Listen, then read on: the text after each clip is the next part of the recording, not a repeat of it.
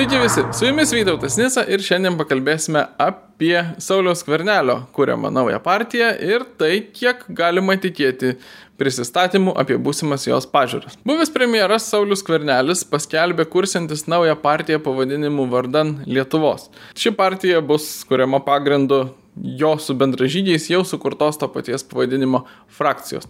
Politologai suskubo vertinti, jog ši partija turi geras perspektyvas, gali atimti daug balsų iš kitų kairiųjų partijų ir patekti į Seimą sekančiuose rinkimuose. Nieko keisto, juk Skarnelis įtakingas ir žinomas politikas. Kadangi viskas yra taip, verta kreipti dėmesį į šį projektą ir įvertinti jo perspektyvas bei deklaruojamas pažiūras. Pats Kvernelis ir jo naujosios komandos nariai visur viešai komentavo, jog išėjimą iš Lietuvos valstiečių ir žaliųjų sąjungos lėmė išsiskyrusios vertybinės nuostatos. E, supraskime, kad besigryninantis valstiečiai tapo šiai komandai per konservatyvus, jie norėjo kitokios politikos ir išėjo dėl to. E, visgi kelios aplinkybės verčia manyti visiškai kitaip. Pirmoji tai išėjusiųjų tarpusavio pažiūrų įvairovė. Labai plati įvairovė. Galima sakyti, kad iš valstiečių frakcijos kartu su skverneliu išėjo patys skirtingiausi politikai. Dalis jų, kaip ir skvernelis, yra liberalūs ir jiems iš tiesų galėjo ir turėjo netikti e, valstiečių sąjungos besigryninanti konservatyvi pozicija, tačiau kiti, kaip tarkim Rima Baštienė, Zenonas Streikus ir dar ne vienas, e, yra visiškai priešingų įtin konservatyvių pažiūrų ir jeigu jau su kažkuo ir nesutampa jų pažiūros, tai su Skverneliu, o ne su Karbauskiu.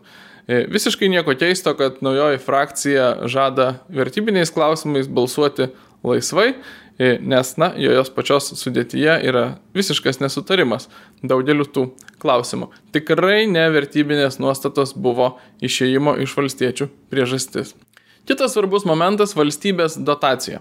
Pagal praėjusią kadenciją Kirkilo naujai sukurtai partijai e, pritaikytas įstatymų pataisas, e, jeigu Seime susikuria frakcija ir ji įkuria partiją, net ir nepatekusi pati savarankiškai į Seimą ankstesniuose rinkimuose, tokia partija gali pretenduoti ir gauna valstybės dotaciją. Jeigu pavyks sukurti partiją vardan Lietuvos Saulis Kverneliui, jo projektas taip pat turėtų gauti po kelius šimtus tūkstančių eurų į metus. Ir tokiu biudžetu faktiškai galėtų lygiavertiškai konkuruoti rinkiminiais biudžetais su senosiomis e, Lietuvos partijomis.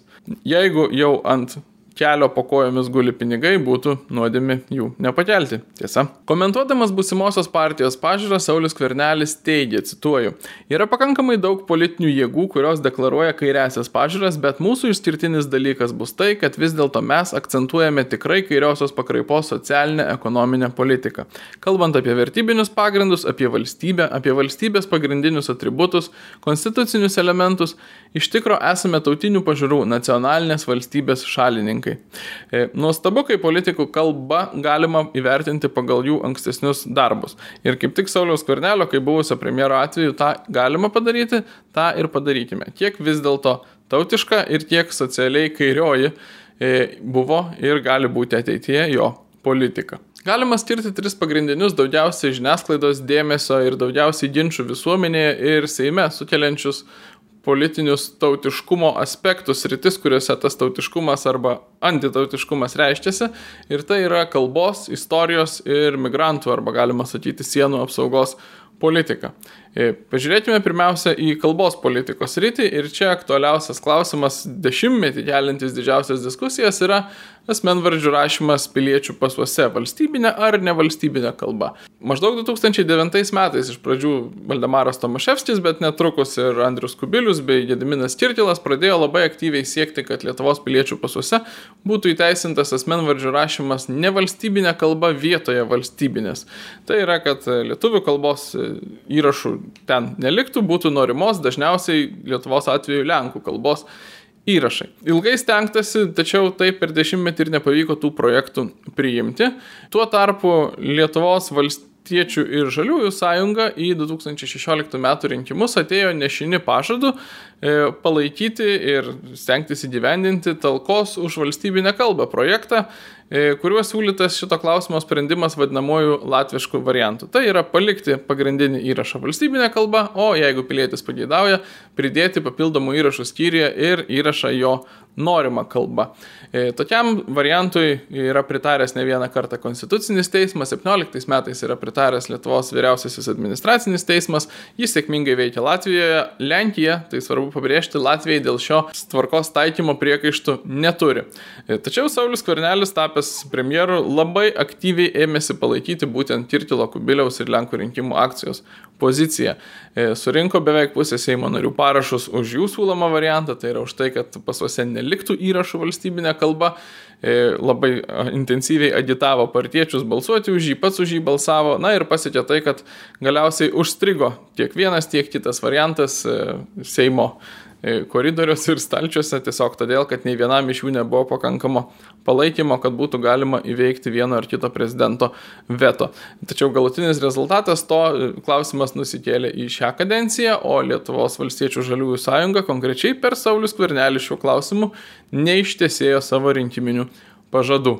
Istorinės atminties rytyje jautriausias tautinės politikos klausimas buvo E, Vyčio monumento arba partizano atminimo kalvelės liaudėje pramintos bunkerių e, statymas Vilniaus Lūtiščių aikštėje. Lūtiščių aikštė turi savo priešistorę nuo 99 metų priminėti įvairūs teisės aktai, e, visada vedė link to, kad ši aikštė turi būti nacionalinė reprezentacinė aikštė skirta žuvusių už Lietuvos laisvę kovotojų atminimui.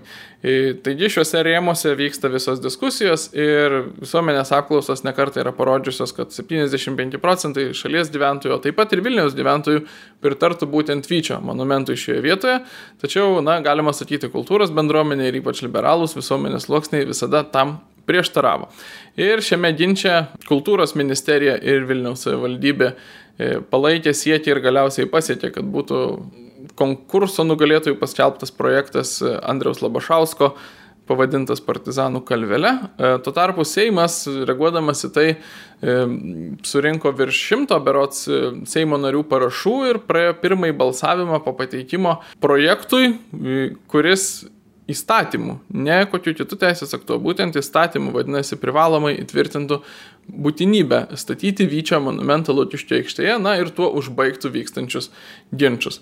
Tačiau tada projektas sustojo taip pat Seimo stalčiuose E, tiksliai tą žinau, būtent vyriausybei, konkrečiai Saulis Korneliui, prašant, kad na, Seimas nesikištų, nedarytų gėdos vyriausybei. E, vyriausybė esą pati išspręs šią problemą ir užtikrins, kad Vyčio monumentas būtų pastatytas. Pažadas nebuvo ištisėtas, Vyčio monumentas taip ir nebuvo pastatytas.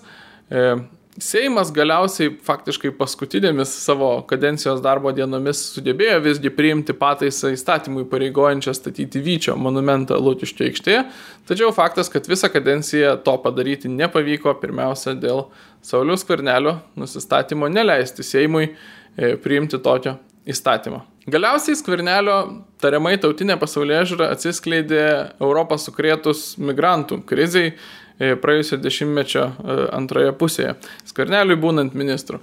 E, Angela Merkel, Vokietijos kanclerė, tada pati savo iniciatyvą prisikvietė į Europą nelegalių migrantų, pasakiusi, kad visiems jiems užteks vietos, o tada, kai vietos nebeužteko, kreipėsi į ES partnerės šalis, siūlydama kvotų sistemą, kad šalis na, privalomai išsidalintų tam tikras proporcingas dalis atvykusių Merkel pakviestų migrantų.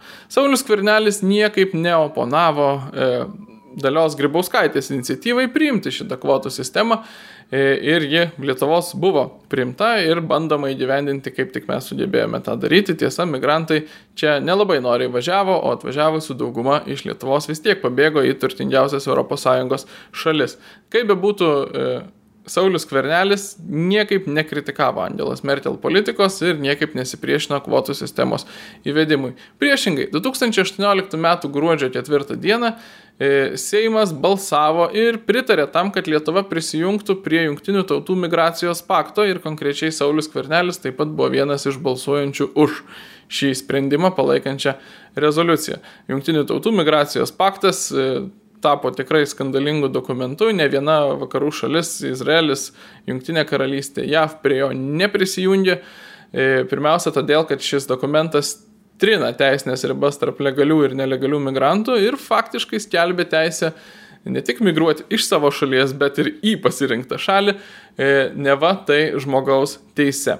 E, požiūris į migrantus, bet taip pat ir į istorinę atmintį bei kalbos politiką atskleidžia, kokios vis dėlto yra, o iš tikrųjų jokios nėra Sauliaus Kvernelio tautinės vertybės. Kitas Kvernelio akcentuotas dalykas, jog partija būsianti kairioji ekonomiškai. E, suprantama, jis tą kartoja, nes Lietuvoje populiaru e, taip kalbėti, žmonės nori tai girdėti, e, tačiau žiūrint į faktus, į Skvernelio vyriausybės darbą, nieko kairio ekonomiškai ten negalima rasti. Skvernelio vyriausybė už finansus buvo atsakingas visiškai neoliberalus ministras, o ryškiausias Skvernelio vyriausybės pėtsakas ekonominėje politikoje buvo E, skambiai pavadinta reforma milijardas milijonui, kuri nors ir įvedė tam tikrą butaforinį progresyvumą mokesčiuose, tačiau jos esmė buvo mažinti biudžeto surinkimą ir mažinti konkrečiai vidutinės klasės ir daugiau uždirbančiųjų e, mokesčius. Po skvernelio pralaimėjimo prezidento rinkimuose nuo šios reformos buvo atsitraukta, na, kas galutinai parodė, kad tai buvo daugiau populistinis ėjimas, o ne kažkokia nusekli ekonominė politika. Visiškai priešingai buvo pasielgta, tai yra niekur neatsitraukta e, darbo kodekso reformos klausimu. Valstiečiai 16 metais į Seimą pateko daugiausiai kritikuodami tų mečių valdančiųjų socialdemokratų e, priimta itin liberalią darbo kodekso reformą, kuri nuėmė atsakomybę užtikrinti socialinės garantijas darbuotojams nuo darbdavių, bet neprisėmė jos ir valstybei. E, tai yra buvo daug kalbama apie neva estų danų taikomą flexicurity modelį, kuris būtent išlaisvina darbdavius nuo socialinės naštos, bet priima ją valstybei. E, Lietuvoje ji tai buvo iškreipta ir tos naštos neprisėmė niekas. E, šį modelį valstiečiai kritikavo, tačiau po rinkimų vietoj to, kad jį atšauktų ar reformuotų kokią nors dar kitą efektyvesnę už senąją tvaro kryptimi, jie nusiplovė rankas labai įdomiu būdu. E, pasakydami, kad Seimas, na, Seimo valstiečiai balsuos už e, tas pataisas darbo kodeksui, kuriams pritars trišalė taryba kurioje yra socialinės apsaugos ministerijos atstovas, darbdavių ir darbuotojų profsąjungų atstovai.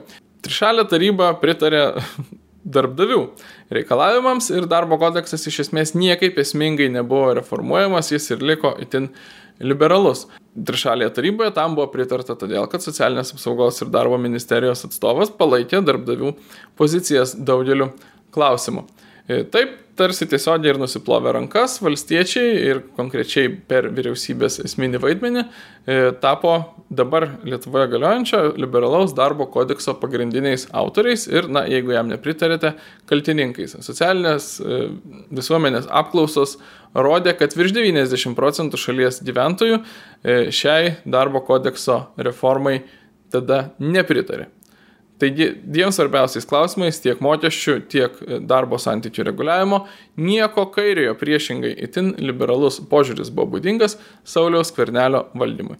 Čia verta pažymėti, kad žmonės dažnai sieja e, pensijų didinimą ar kitų išmokų didinimą, minimalios algos didesnės nustatymą e, su kairiaja, su jautria socialinė politika. Nieko panašaus. Tokie dalykai nėra ekonominiai, e, pasaulyje žiūriniai klausimai ekonomikos rytyje. Tai yra sveiko proto klausimai. Jeigu šalyje yra skurstantis pensininkų sluoksnis ir šalies biudžetas leidžia e, skirti didesnės išlaidas tam spręsti, tai ir yra nepriklausomai nuo pasaulyje žiūros savaime suprantamas sprendimas didinti pensijas, skirti tam lėšas ir traukti žmonės iš skurdo. Tam pritartų nesvarbu, kurios pasaulyje žiūros žmonės, na gal išskyrus socialdarvinizmą būdingą pavyzdžiui Andriui Kubiliui. Sauliaus Karnelio valdyme nebuvo nieko, ar beveik nieko ekonomiškai kairiojo, priešingai, kaip tikras kultūrinis marksistas ir kairysis, jis pasisakė ne vienu e, kultūrinės, moralinės politikos klausimų, kaip dėl šeimos sampratos, Stambulo konvencijos ratifikavimo ir panašiais. Saulis Kvarnelis klaidina visuomenę kalbėdamas apie busimosios savo partijos pažiūras. Klaidina visuomenę, nes žino, kad tai, ką jis kalba, yra tai, ką visuomenės dalis ir ypač galinti jį rinkti visuomenės dalis nori girdėti. Lietuvos visuomenė yra daugiausia konservatyvi kultūriškai ir kairioji ekonomiškai. E, Saulis Kvarnelis priešingai yra daugiau kairysis kultūriškai ir itin liberalus ekonomiškai. Jo rinkėjų bazė, žiūrint į 2019 m. prezidento rinkimų rezultatus, yra daugiausiai vyresnio amžiaus žmonės, mažesnės pajamas gaunantys žmonės ir svarbus momentas e, - sovietmečio besilginti visuomenės dalis, galimai Sniečkaus vadinamai tautinį komunizmą idealizuojanti visuomenės dalis. Šiems žmonėms būtent pirmiausiai ir yra skirtas melas apie busimosios partijos pažiūras. Tiek šį kartą, ačiū visiems žiūrėjusiems, ačiū, kad e, prenumeruojate mūsų kanalą ir kad remiate mus Patreon platformoje.